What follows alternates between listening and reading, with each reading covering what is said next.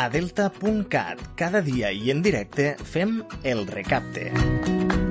En directe per a Deltebre, Sant Jaume d'Enveja, l'Ampolla i Camarles al 107.6 i al 91.1 de la FM. I a internet a través del canal de streaming del portal delta.cat.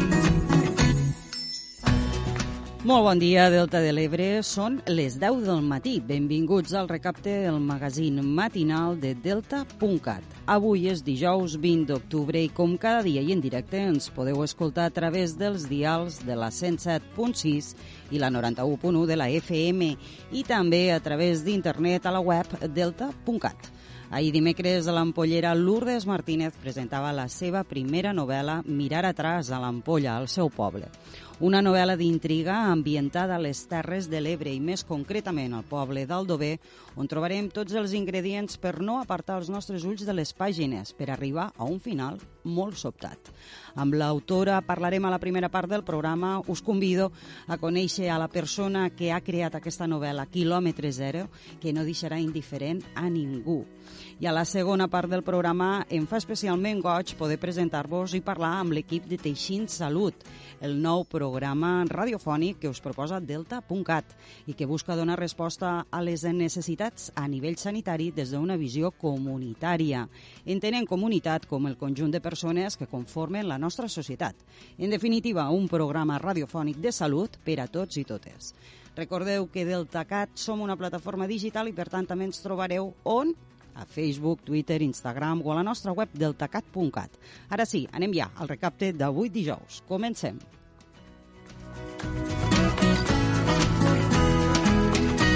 El recapte per a la gent del Delta amb Diana Mar. I comencem el recapte d'aquest dijous 20 d'octubre fent un repàs a l'actualitat de proximitat de la mà de la meva companya Leonor Bertomeu. Molt bon dia, Leonor. Hola, Diana, molt bon dia. Avui comencem parlant de l'associació Sediments que es presentarà com a acusació particular en la querella que va portar a la Fiscalia de Medi Ambient de Tarragona contra la companyia Endesa per la falta de manteniment de la presa de l'embassament de Ribarroja. Ho faran de la mà de juristes per les llibertats amb l'objectiu de fer prosperar la denúncia. Per fer front a les despeses, l'entitat editarà un conte a través d'una campanya de mecenatge. Escoltem Josep Juan, que és membre de l'associació Sediments. Sí, volem editar un llibre que es diu La Gran Riuada, que és un llibre infantil i per una part serveix per a conscienciar als infants sobre la importància de la natura i de que nosaltres som natura i que l'hem de cuidar. I llavors, pues, eh, el llibre explica això i al mateix temps els beneficis els destinarem a, a l'associació Sediments i a les causes que estem portant a terme, com ara la denúncia contra Endesa, entre altres accions que estem portant a terme. L'entitat denuncia que els està sent molt difícil saber en quin punt es troba la denúncia que van presentar al Ministeri Fiscal des de que el cas es va traspassar de la Fiscalia de Medi Ambient de Tarragona a la Fiscalia de Tortosa. Expliquen que han intentat reunir-se o contactar amb la fiscal sense èxit. Finalment han decidit presentar-se com a acusació particular amb la intenció de tindre accés a la informació i que la querella pugui tirar endavant no sabem res i lo que, lo, la novetat que tenim és que juristes per les llibertats ens donaran suport per a, per a fer seguiment i per a eh, presentar-nos com a acusació particular. Això és algo que hem decidit, que ho hem tancat últimament els últims dies i ens presentarem com a acusació particular per a poder tindre informació del procediment i per a intentar que el procediment tiri endavant. Segarra ha recordat que les denúncies es basen en informes científics que, en el cas dels encarregats de la Universitat de Saragossa i d'Extremadura, han tingut un cost de 2.500 euros, un preu ajustat per part dels autors perquè els ha encarregat l'associació Sediments. D'altra banda, ahir es va presentar una nova edició de la ruta d'etapes de tapes Volta i Tapat de Deltebre. Serà ja la cinquena edició i enguany se podrà gaudir entre el 21 d'octubre i el 13 de novembre. Participen enguany set establiments de Deltebre que oferiran tapes a un preu de 3 euros i mig. Cal dir que enguany les tapes han estat apadrinades pel xef Vicent Guimerà, cuiner amb estrella Michelin al seu restaurant L'Antic Molí. L'alcalde de Deltebre, Lluís Soler, destacava en esta presentació que la ruta de tapes té com a objectiu promocionar la gastronomia de la població. De volta i tapa també el que vol és atreure eh, gent de ciutadania de fora, no? de fora del municipi del Tebre, del territori i de fora del territori, per tal que pues, des d'este 21 d'octubre fins al 13 de novembre puguen vindre del Tebre a assaborir els bons ingredients, els bons sabors, els bons productes que ens caracteritzen i que ens donen força com a territori. Les tapes que es poden degustar i els horaris d'obertura dels establiments se poden consultar a la web de delta.cat. D'altra banda, un últim apunt, la Guàrdia Civil ha localitzat una nova narcollanxa, en este cas amagada en un centre logístic d'Amposta. La troballa es va fer la matinada de dissabte a diumenge en un control rutinari. L'embarcació, equipada amb tres motors de gran potència, es trobava situada a sobre d'un semirremolc que no estava enganxat a cap tractora. L'Institut Armat, és a dir, la Guàrdia Civil, ja ha obert una investigació. Recordem que en aquest any, almenys seria ja la quarta narcollanxa que s'ha localitzat en l'àmbit del, del Delta de l'Ebre. déu nhi ho seguirem de prop. Ho seguirem de prop. Gràcies i ens retrobem al dia Terres de l'Ebre a partir de la una. Molt bé, gràcies. Fins després. Casa Nicanor t'acompanya en els teus bons moments per esmorzar, dinar, sopar, berenar o amb un bon cafè. Casa Nicanor t'ofereix el temps.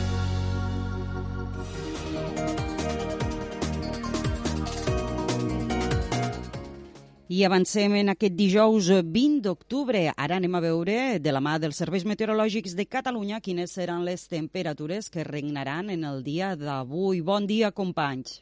Bon dia, hem arrencat aquesta jornada amb una temperatura molt suau de 19 i 20 graus entre la zona de Baix del Montsià, una miqueta més baixa cap a la Terra Alta, però en qualsevol cas de 15 i 16 graus, per tant temperatures molt agradables per començar el dia, i és que un dia més hem tornat a parlar d'aquests núvols que han impedit que la temperatura mínima hagi baixat, però en canvi avui sí que notarem que la temperatura màxima quedarà més baixa que la d'ahir i també els mateixos núvols podran deixar alguna precipitació molt feble i tímida, sobretot cap al massís del port i alguna que es pugui escapar ja més esporàdicament.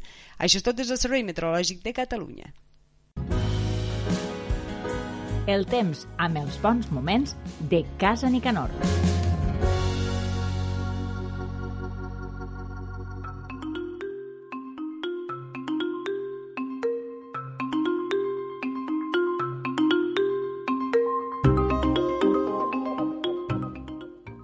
I anem a repassar les principals portades dels diaris, com bé sent habitual. Comencem per la Vanguardia. La banca preveu allargar la hipoteca a les famílies amb rendes més baixes.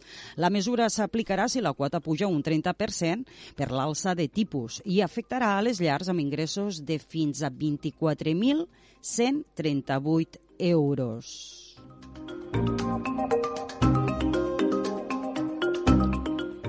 I en portada al periòdico, compareixença al Parlament del cap de l'executiu català. Pere Aragonès rep el primer revés del govern en solitari. En solitari, Esquerra Republicana es queda sola en defensa d'una llei, tot i que va ser iniciativa de Joan Giró, l'exconseller d'Economia i Hisenda.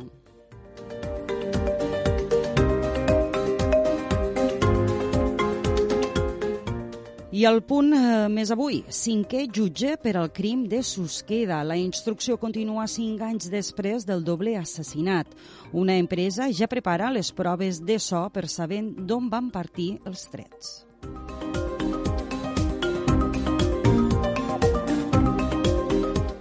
Tanquem amb la portada del diari Ara. Atenció al Congrés del sector immobiliari. Uns 300 activistes pel dret a l'habitatge van irrompre ahir a Barcelona en la inauguració de District, dedicat al sector de la inversió immobiliària, i van obligar a endarrerir dues hores l'obertura d'aquesta primera edició del Congrés.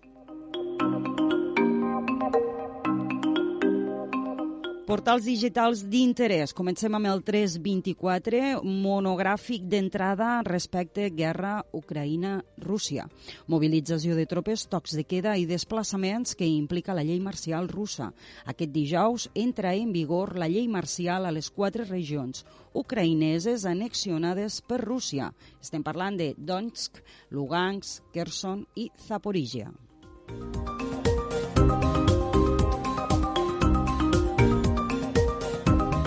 I en portals digitals de proximitat, Mora la Nova acull este cap de setmana la 190 edició de la Fira Agrícola Ramadera i Industrial. I una altra notícia també a guaita.cat és que s'alerta per la hi ha alerta per la presència de metall en fruits secs de sis marques diferents.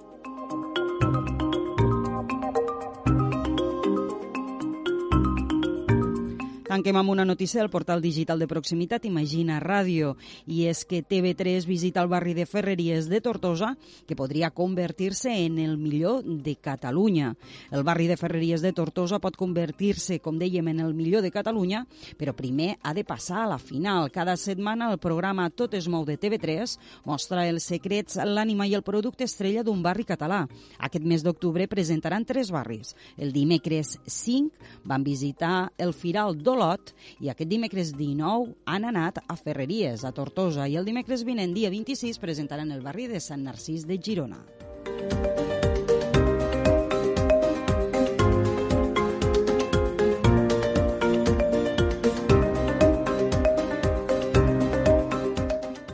Ara anem, després de repassar l'actualitat, tant de proximitat nacional com internacional, anem a escoltar la cançó del dia i arrenquem la roda d'entrevistes en aquest recapte d'avui dijous, 20 d'octubre.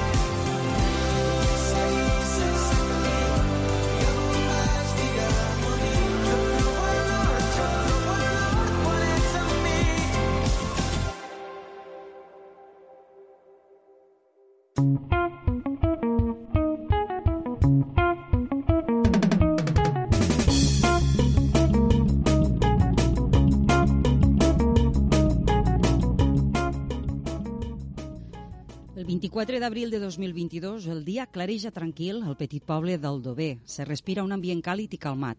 No s'escolta res al carrer.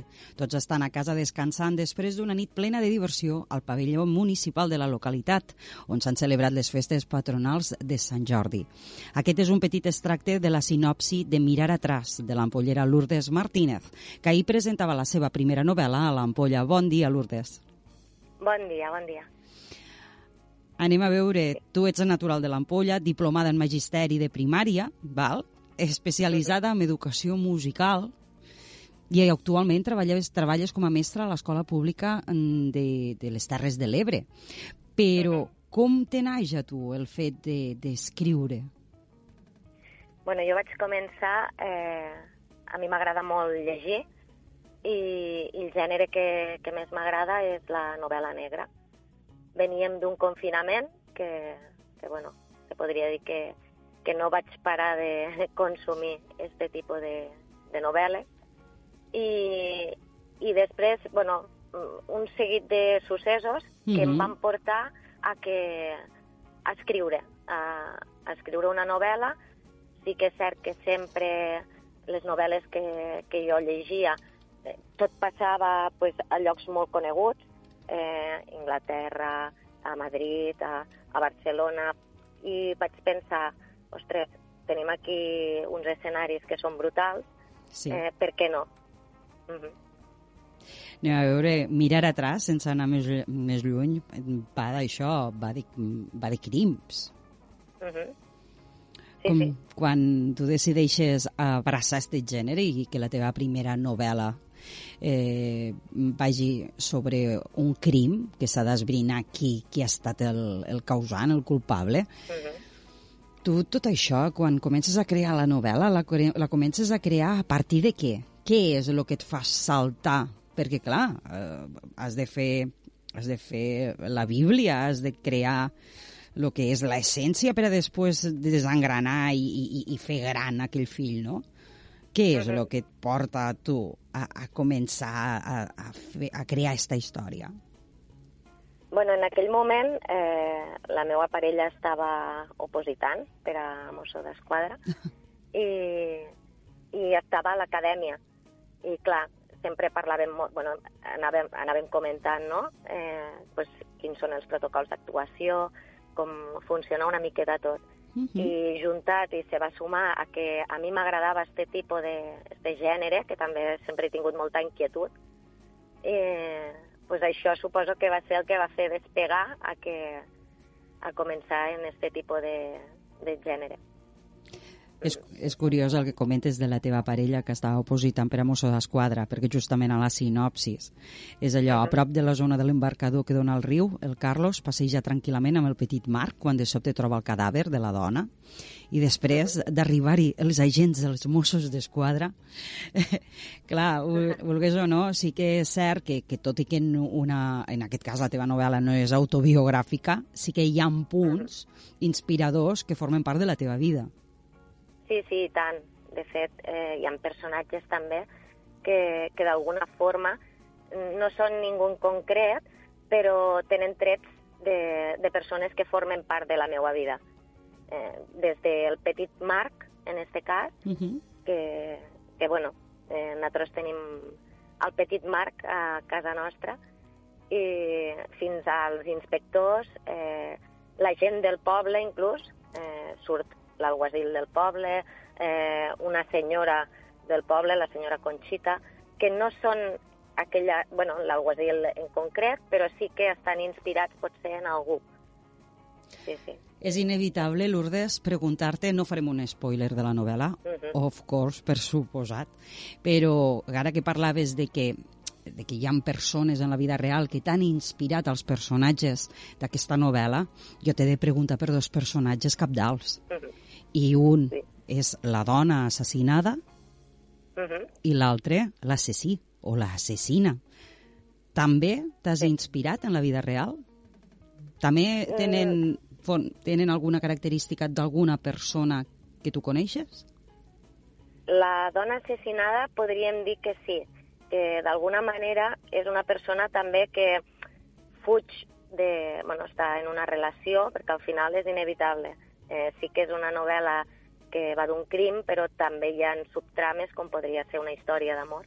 Uh -huh. I en aquest cas, la, la dona assassinada està fugint d'una bueno, ruptura, se'n va fora a un altre país, a, a conèixer també, bueno, té inquietuds sobre la seva feina, i llavors potser sí que d'alguna manera jo he tingut amigues que, que s'han trobat en una situació similar de, bueno, d'haver de marxar fora, ja sigui per desamor, per inquietud laboral, pel que sigui, però sí, sí, sí, i tant.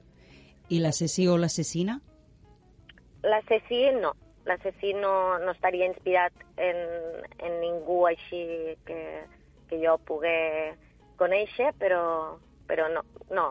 Té, té trets, sempre hi ha trets de, de personalitat. personalitats que, que m'he anat trobant pel oh. camí, però, però bueno... Quan no... te faig, Lourdes, quan te faig aquesta pregunta no estic plantejant la possibilitat de que tingués algun tipus de relació o vincle amb un psicòpata. No, no, M'estic no. referint al fet d'això, no? de trets, de pinzellades sí, de personalitat d'algú que pues, tots tenim sí, el nostre sí. imaginari. No? Totalment, no? I a més, l'assassí, vull dir, al final hi han coses que el porten a ser com, com és esta persona, no? D'alguna manera, pues, les seues experiències, que al final són les que també fan que una persona sigui com sigui.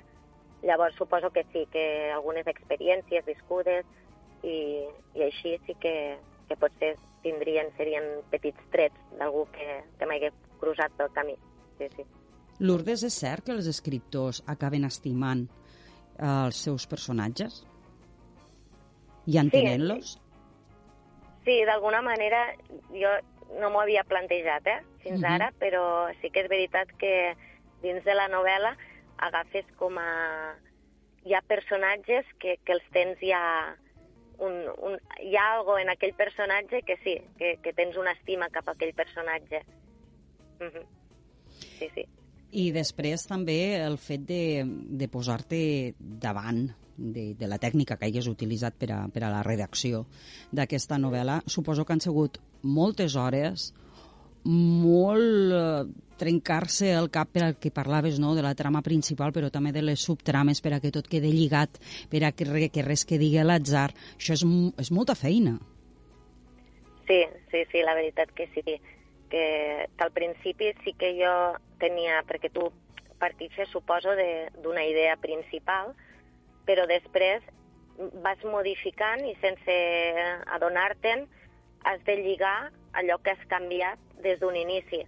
Sí que és cert que des d'un principi jo tenia ja al meu cap d'alguna manera la història com volia que, que fos, però conforme vas desenvolupant-ho vas canviant moltíssimes coses i arriba un moment que, que et trobes estancat.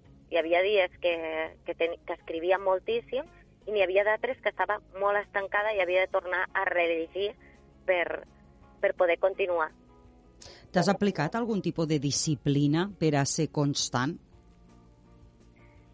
No, perquè, com te dia, me va agafar en un moment en què jo havia, venia d'una operació, uh -huh. tenia molt de temps, estava a casa, i, i, i clar, me va anar molt bé per a dedicar-me molt només a, a això sí. Diguéssim que la vas escriure estant convalescent.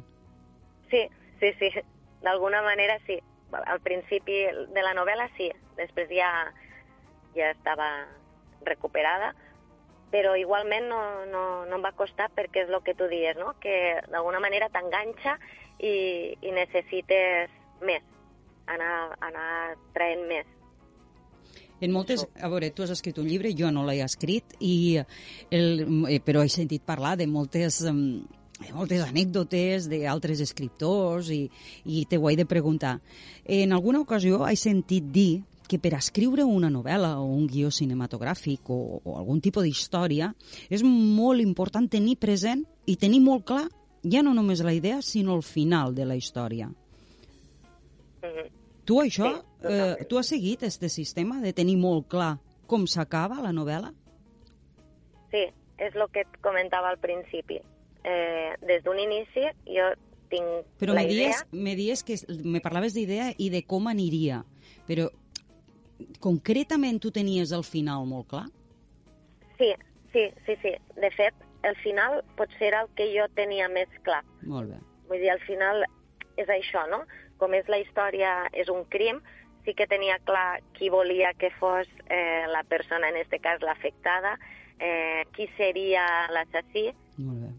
mm, i en canvi el que costa més és com ho porto ara això a terme, com, com començo. Començo eh, ja que des d'un inici que se sàpiga que ha hagut un assassinat, eh, és, el que costa és desenvolupar d'alguna forma aquesta idea. Però sí, sí, sí, comences ja tenint clar qui, què, què és el que vols, eh, quin desenllaç li vols donar. Sí. I després també, perquè el títol, el títol és fonamental, l'important és tenir el final clar per a poder desenvolupar-lo. El Mm. títol, mirar atrás. Què vol dir Mira, això? eh, eh, des d'un inici no tenia... El títol és lo últim, l'últim que, que vaig eh, posar al llibre, perquè no tenia gens clar. Llavors jo quan vaig escriure la novel·la vaig comptar amb l'ajuda de, de Helen Molina, que, que em va ajudar ella en la correcció a nivell d'estil, d'ortipogràfic també, i, i li vaig comentar, dic, és que no tinc ni idea com, quin títol posar-li, perquè millor jo la, al meu cap tenia alguns títols pensats, alguns ja estaven agafats, perquè clar, tens que, que mirar també que no hi hagi cap llibre ni, ni res que, que tingui aquest títol. Uh -huh. I ella em va ajudar una mica a l'hora de, de llegir, també a partir d'una cita que hi ha al llibre, que és una cita feta des de, des de l'assassí, no? Sí. que diu una mica com a que mirar atrás no és la millor opció, però al final és inevitable, que suposo que, que mos passa a tots, no? que de vegades pues, quan tenim un problema o mos passa alguna cosa volem mirar cap avant, cap avant, cap avant i a vegades mm, has de mirar de perfil, saps? Per a, per a que allò funcioni i per a poder tirar avant volem evitar no? tirar atrás a, a, a lo que, allò que mos hagi pogut fer mal o, i, i tirar avant, però de vegades és inevitable. Sí, sí. Per què el poble d'Aldover? pues mira, jo eh, no havia estat mai al Dover.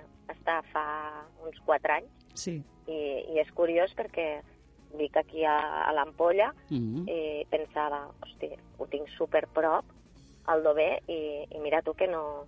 I el primer lloc que jo vaig agafar del Dover és la zona del riu, i a mi aquella zona em va encantar, perquè igual que hi ha tres pobles que també els passa al riu, com per exemple Benifallet, no? Mhm. Certa, que queda la localitat més pròxima, al Dover no, que queda la població dalt i, i la zona del riu no hi ha un passeig com a tal. I em va semblar un escenari bonic i al mateix temps també per donar veu a un poble que, que jo per, personalment, per exemple, no, no l'hauria visitat, no, no l'hagués visitat. I suposo que hi ha moltes persones d'aquí que també hi ha poblets petits de la zona que no, no han estat mai. déu nhi I després també el fet que eh, ne parles, no? Aviat les cadenes de televisió comarcals començaran a parlar del crim. Quina relació guardes en les televisions comarcals? bueno, d'alguna manera seria el mateix que et comentava, no?, a nivell de, de població, que sempre eh, la tendència, no?, a, a, mirem altres televisions, per exemple, en aquest cas TV3, no? Sí. I aquí tenim molt bones teles que, que també, bueno, també per donar una mica de, de veu a, a la zona que estem i, i la tasca que fan este, bueno, la televisió comarcal que tenim aquí, que ara mateix tenim Canal Terres de l'Ebre i, i el Canal 21 també. Volia traure una miqueta d'aquí. Lourdes, la teva, la teva novel·la no només aporta misteri i entreteniment a qualsevol persona que la pugui llegir, sinó que a més és un producte quilòmetre zero i que, té i que és molt valiós també pel que acabes de comentar durant l'entrevista, pel fet de que dona rellevància a aspectes, a espais, en, en definitiva, dones rellevància a, a moltes coses de les Terres de l'Ebre. Vull dir, té una doble importància aquest llibre, aquest primer llibre teu. I també et volia preguntar, bé, ahir, la inauguració, quan te van proposar de, de presentar el llibre al municipi de l'Ampolla, com ho vas viure? Va ser molt bonic. Eh, va, es va posar en contacte amb mi la regidora, en aquest cas és la Gemma, Uh -huh. I, i em va dir, mira, Lourdes, han vist que, que has escrit un llibre, perquè jo havia fet una presentació al poble d'Aldover, aquest estiu, que, clar, com, com havia passat allà i està Sí. sí. escrita al poble, eh, la vaig fer allà. I, i des de l'Ampolla me van proposar després si, si em semblava bé presentar-ho al poble i evidentment per a mi és, és algo molt, una satisfacció molt gran perquè sent de l'Ampolla eh, poder presentar-ho al meu poble, la veritat és que, que molt bé, molt bé. En ningú moment te vas eh, plantejar ambientar la novel·la a l'Ampolla? No, no, no. Eh, ja et dic, és que com... Sí que a la novel·la també nombro així, hi ha una pinzellada de Sant Carles de la Ràpita, Ahà. també, i molta gent m'ho va dir, m'ha preguntat, no? Eh, ui, com és que no nombres l'ampolla? Com jo sóc de l'ampolla, suposo que en aquell moment eh, tenia ganes de, de parlar d'algun altre lloc que, també per a, per a la gent de l'ampolla, d'alguna manera. Jo tinc molts amics que, com te deia, no? igual que jo no havia estat al Dovells, tampoc hi han estat. Uh -huh. I, de fet, han, van estar el dia de la presentació i els va agradar molt. I, i d'alguna manera també per a que la gent del meu poble i d'altres pobles, evidentment, puguen conèixer altres localitats que tenim molt prop. I eh, tens alter ego a la novel·la? Hi ha algun personatge que sigues tu? No, no, no, no, no hi ha cap personatge, no. Sí que hi ha un personatge que a lo millor jo tinc un germà Mm. i, i té moltes coses d'ell. I la gent que el coneix i se l'ha llegit, de seguida m'ho han dit, abans de jo explicar-ho, m'han dit, ui, este personatge eh, té coses de, de ton germà. I dic, sí, sí, sí, és així. Com a, com, a, com a diplomada en especialitat de musical, quin paper juga la música en, en la novel·la, en este cas? Bueno, en este cas seria per a mi un acompanyament Uh -huh. sí, a l'hora de d'escriure i, i que d'alguna manera a mi dins de la, a la meva vida la música m'aporta moltes sensacions i moltes emocions. Uh -huh. Llavors, d'alguna manera també m'ha anat acompanyant a l'hora d'escriure. Molt bé. Mhm. I per a tancar l'entrevista, que ja, ja t'he de deixar marxar a, a fer el que hagués de fer, Lourdes, a veure, és molt curiós perquè em comentes que ets una persona de l'Ampolla que no havia estat mai al Dover i quan te descrius a tu mateixa te descrius com una persona que li agrada molt viatjar i conèixer diferents cultures. És a dir, ets de les que te'n vas a quilòmetres i quilòmetres quan te'n vas de vacances i anar aquí al costat, doncs has tingut que escriure un llibre per a fer-ho? pues la veritat és que fins ara eh, potser sí. Sí que és veritat que abans de la pandèmia sempre els viatges que havia pogut fer, no? Sempre t'atrau allò que tens fora i, i el que et deia, no? Conèixer diferents cultures, però després, durant este temps que, que millor hem anat tots més calmats i, i he tingut més temps per a, per a voltar el que és les nostres terres, Sí. et dones compte que, clar, a nivell cultural, pues, evidentment, no, no hi ha un xoc cultural, però sí que, que en quant a costums, pues, hi ha coses que hi ha pobles que, que se segueixen fent que al meu no, no? I Sí. veus que d'un poble a l'altre hi ha pinzellades molt diferents de, de formes diferents de parlar, de fer. Vull dir, tenim una gran diversitat, no?, a nivell lingüístic, cultural. Llavors, sí, últimament estic bastant, bueno, visitant bastant el que és la zona de, nostra, sí, sí. Doncs, Lourdes, un plaer haver comptat amb tu al programa. Moltíssimes gràcies per explicar-nos eh, doncs, eh, més coses, més, eh, més curiositats sobre la teva novel·la, Mirar atrás, i també de com va ser el fet de que fos l'ampolla la que també et cridés per fer la presentació al seu del teu llibre al seu municipi. Moltíssimes gràcies. Bueno, i al teu. Moltes gràcies. Que tingues molt Moltes bon dia. gràcies a vosaltres. Adéu, Lourdes. Gràcies. Adéu.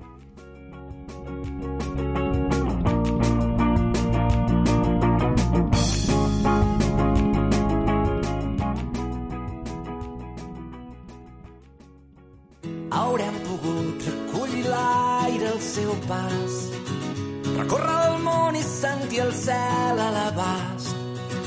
Haurem pogut viure el que havíem somiat, sense res més que una guitarra entre les mans. I no hem mirat enrere mai, hi ha nits que encara ens pesen, però no hem deixat de caminar. Tot et vagi bé. Que trobis tot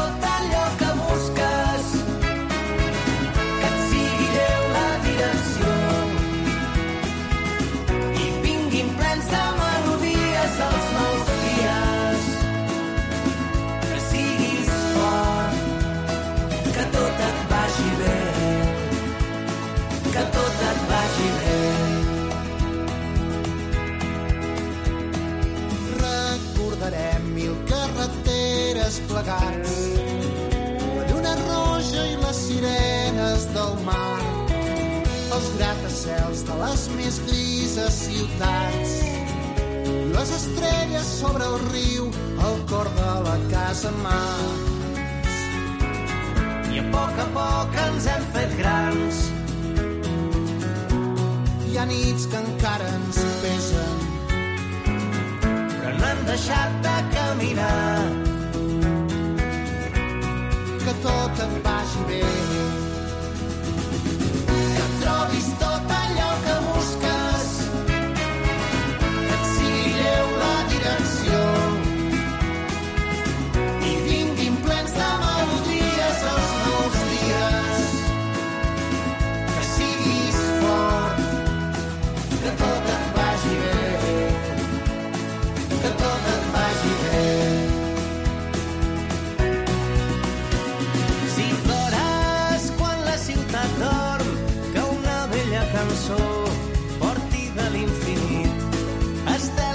facin foc per arribar al matí. Riu i crida com ho vam fer abans, quan vivíem jugant i res era important. Només seguir cantant i fer ballar el camí.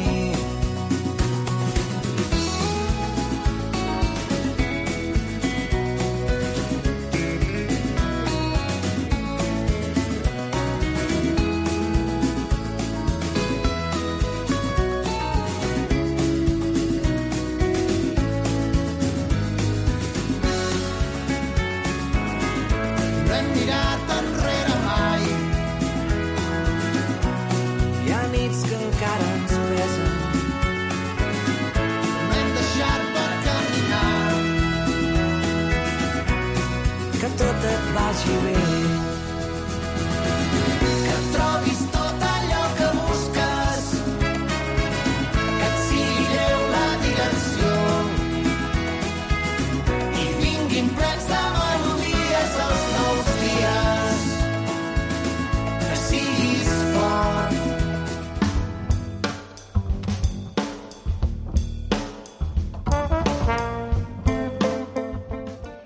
I ara anem a conèixer a Tània Gilabert Noll, psicòloga referent de benestar emocional comunitari a l'àrea de Deltebre, i Anna Curto Sabater, psicòloga també referent de benestar emocional comunitari, però en aquest cas a l'àrea de l'aldea Camarles l'Ampolla.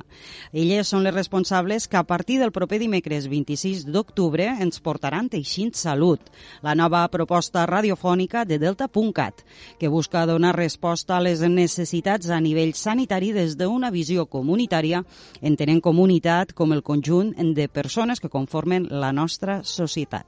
En definitiva, tots i totes. Benvingudes. Hola, bon dia.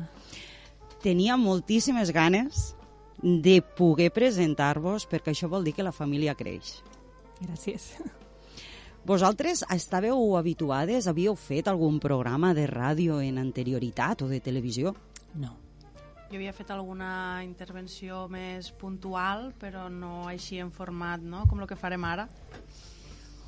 Esteu emocionades, nervioses? Tot. Teniu por? No, això no.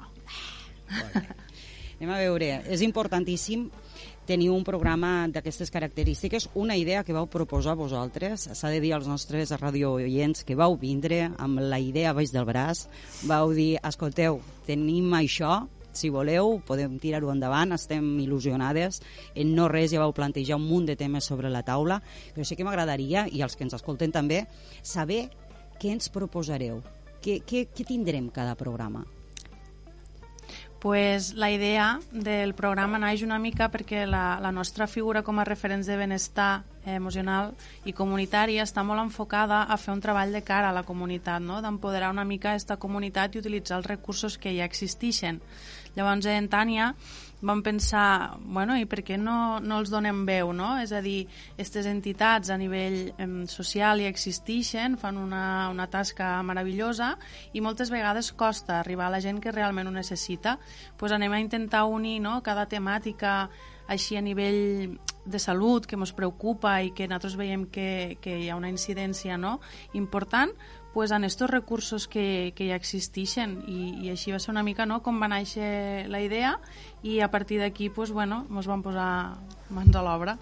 Tania Anna, us he presentat com a bueno, la psicologia, que és la vostra vessant, sí, però referents de benestar emocional comunitari. Aquesta definició a què fa referència? Bueno, els referents de benestar emocional comunitari som una figura que està incorporada recentment als diferents equips d'atenció primària de tota Catalunya. En concret, aquí a les Terres de l'Ebre en som nou, eh, repartits en diferents... Eh, um, àrees bàsiques.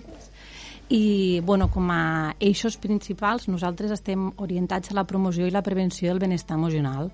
Llavors, com a eixos principals, eh, bueno, estem treballant eh, per un diagnòstic de la salut, es fa un diagnòstic de la salut a tot el territori que es treballa conjuntament amb altres agents comunitaris, ajuntaments, serveis socials, consells de salut, i aquí es tracta una mica de detectar les necessitats i problemàtiques existents al municipi i a partir d'aquí abordar-les en els diferents agents comunitaris trobant bueno, eh, respostes a aquestes problemàtiques. Un altre aspecte seria la prescripció social, que potser també neix d'aquí la idea, no? este fet de, dels actius de salut, no? que les associacions, entitats i serveis són actius de salut.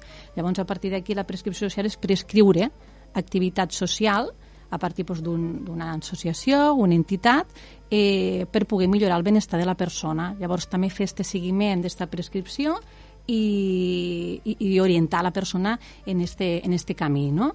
Seria una mica com la recepta, en lloc de la recepta del medicament, la recepta de l'activitat. No? És a dir, proposar una, una activitat en lloc de proposar un, un medicament en aquest, no? per fer aquesta comparativa.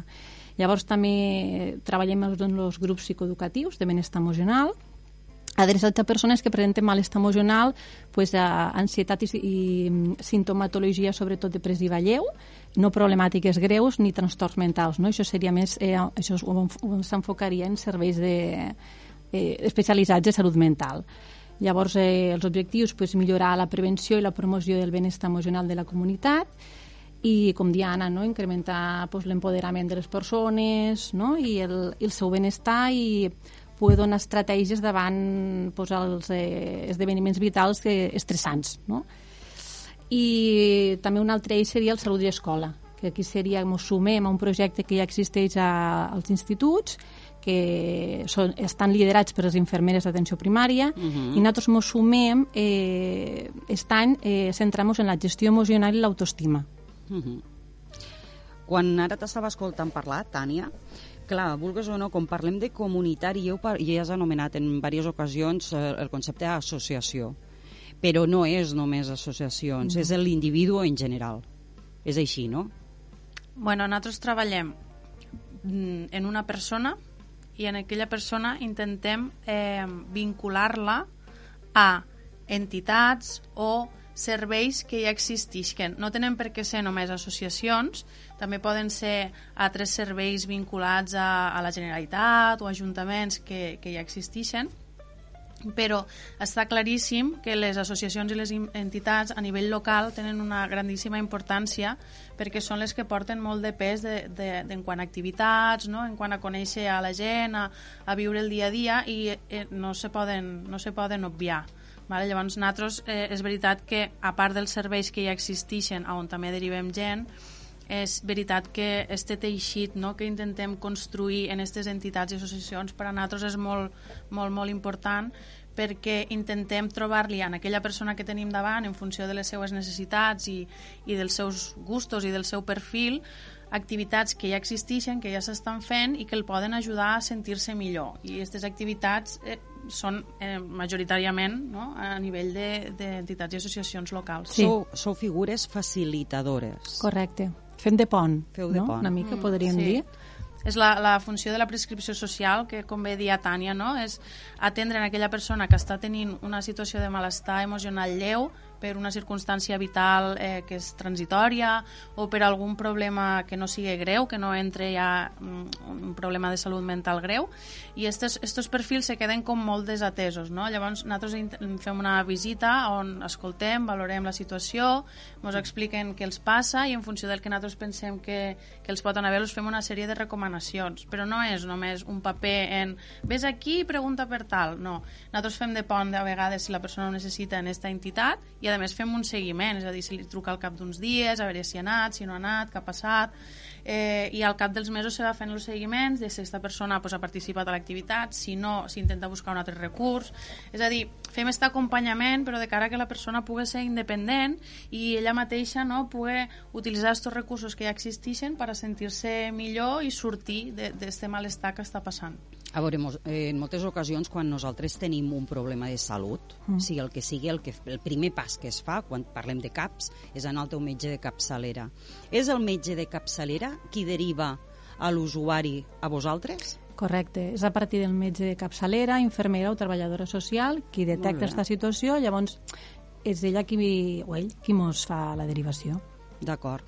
I d'alguna manera eh, comentàveu el fet de, perquè molts professionals de la salut ho han posat sobre la taula i és que tot i que ells no poden fer res perquè hi ha uns, un, unes, uns protocols que s'han de seguir i això no ho estableix el professional pròpiament dit, sí que és cert que se n'adonen que s'ha anat cap a la medicalització, cap al fàrmac, per no tenir temps ni, ni prou recursos per a fer front al que comentàveu vosaltres mateixes, l'atenció, el poder escoltar i en casos lleus, sempre que siguin lleus, mm. de depressió o ansietat, mm, poder-li posar solució sense tenir que anar a morir al fàrmac. Eh, la vostra figura és fonamental. Engegàveu aquesta proposta, a la regió sanitària vos incorporava, si no recordo malament, cap al maig no, vam començar a finals de l'any... Justament ara fa un any. Sí. Sí. D'acord. Eh, doncs, des de llavors fins ara, quina, quin, quina evolució heu notat? Eh, com, com ho heu vist? S'ha acceptat la figura, no s'ha acceptat? pues mira, el que ens hem anat trobant, nosaltres és veritat que quan vam entrar com a figura nova eh, portar el nom de no, la formació de psicòleg, però un nom diferent, va fer que dins del CAP se generés com una mica de, de confusió no? de quines eren les nostres tasques. Va ser una mica complicat, jo crec, l'entrada, perquè no entenia ningú ben bé quina era la nostra figura. Llavors han fet molta feina a nivell de d'educació no? del, que, del que impliquem, de les nostres tasques i sobretot pues, molta búsqueda i unificació d'entitats, de figures eh, a nivell comunitari rellevants a cada població, de totes les coses que s'estaven fent, de quines eren també les dinàmiques no, del CAP en, en certes problemàtiques, i això ha sigut una tasca que la veritat és que era com a invisible, perquè semblava no, que, que no estéssim, però que ens ha portat molta feina i que ens permet que a dia d'avui pues, ja hi haguen molts de grups de, de benestar engegats a tot el territori, que ja s'hagin anat als instituts a fer aquesta prevenció també emocional i d'autoestima i que pues, hi haguen, no, com, com ara el nostre projecte, pues, lo de la ràdio, que ja pugui començar a tindre forma, vull dir, això arriba ara, nosaltres podem dir que comencem ara a veure no, els primers fruits d'esta de, primera faena que ha sigut realment dura perquè era una figura desconeguda, començàvem des de zero i realment a nivell comunitari hi havia molt poca cosa feta. I bueno, ara comença tot a, a veure la llum, no?, tots aquests projectes. I Teixint Salut és una plataforma perfecta per donar visibilitat a, a una figura com la que vosaltres representeu i també donar respostes a totes aquelles persones doncs, que puguen estar passant un episodi doncs, d'ansietat doncs, o depressió i que, que puguen saber també a on els poden atendre. Sí.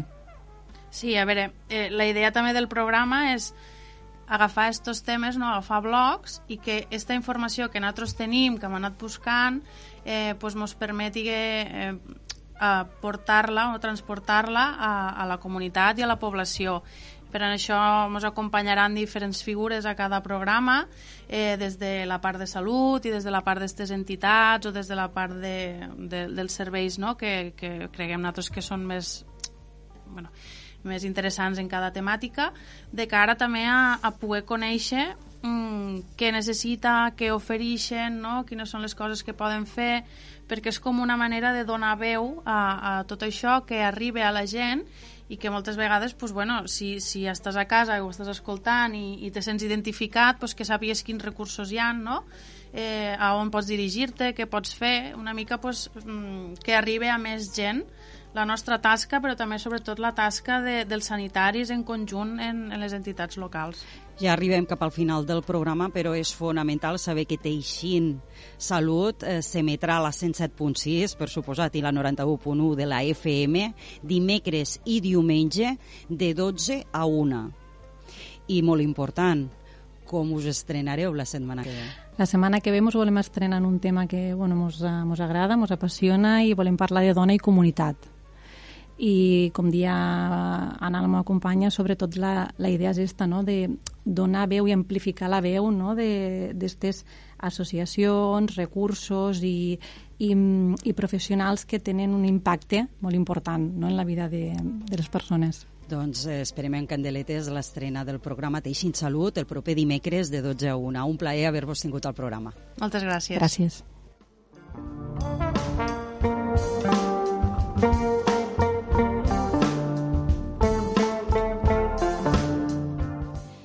I fins aquí el recapter d'avui, dijous 20, 20 d'octubre. Si ens trobeu a faltar, recordeu que podeu tornar a escoltar les entrevistes i les seccions a través de la nostra web deltacat.cat eh, o també a través de les nostres xarxes socials, no ho oblideu. Nosaltres tornem demà amb més actualitat del Delta i del nostre territori. Que passeu molt bon dia.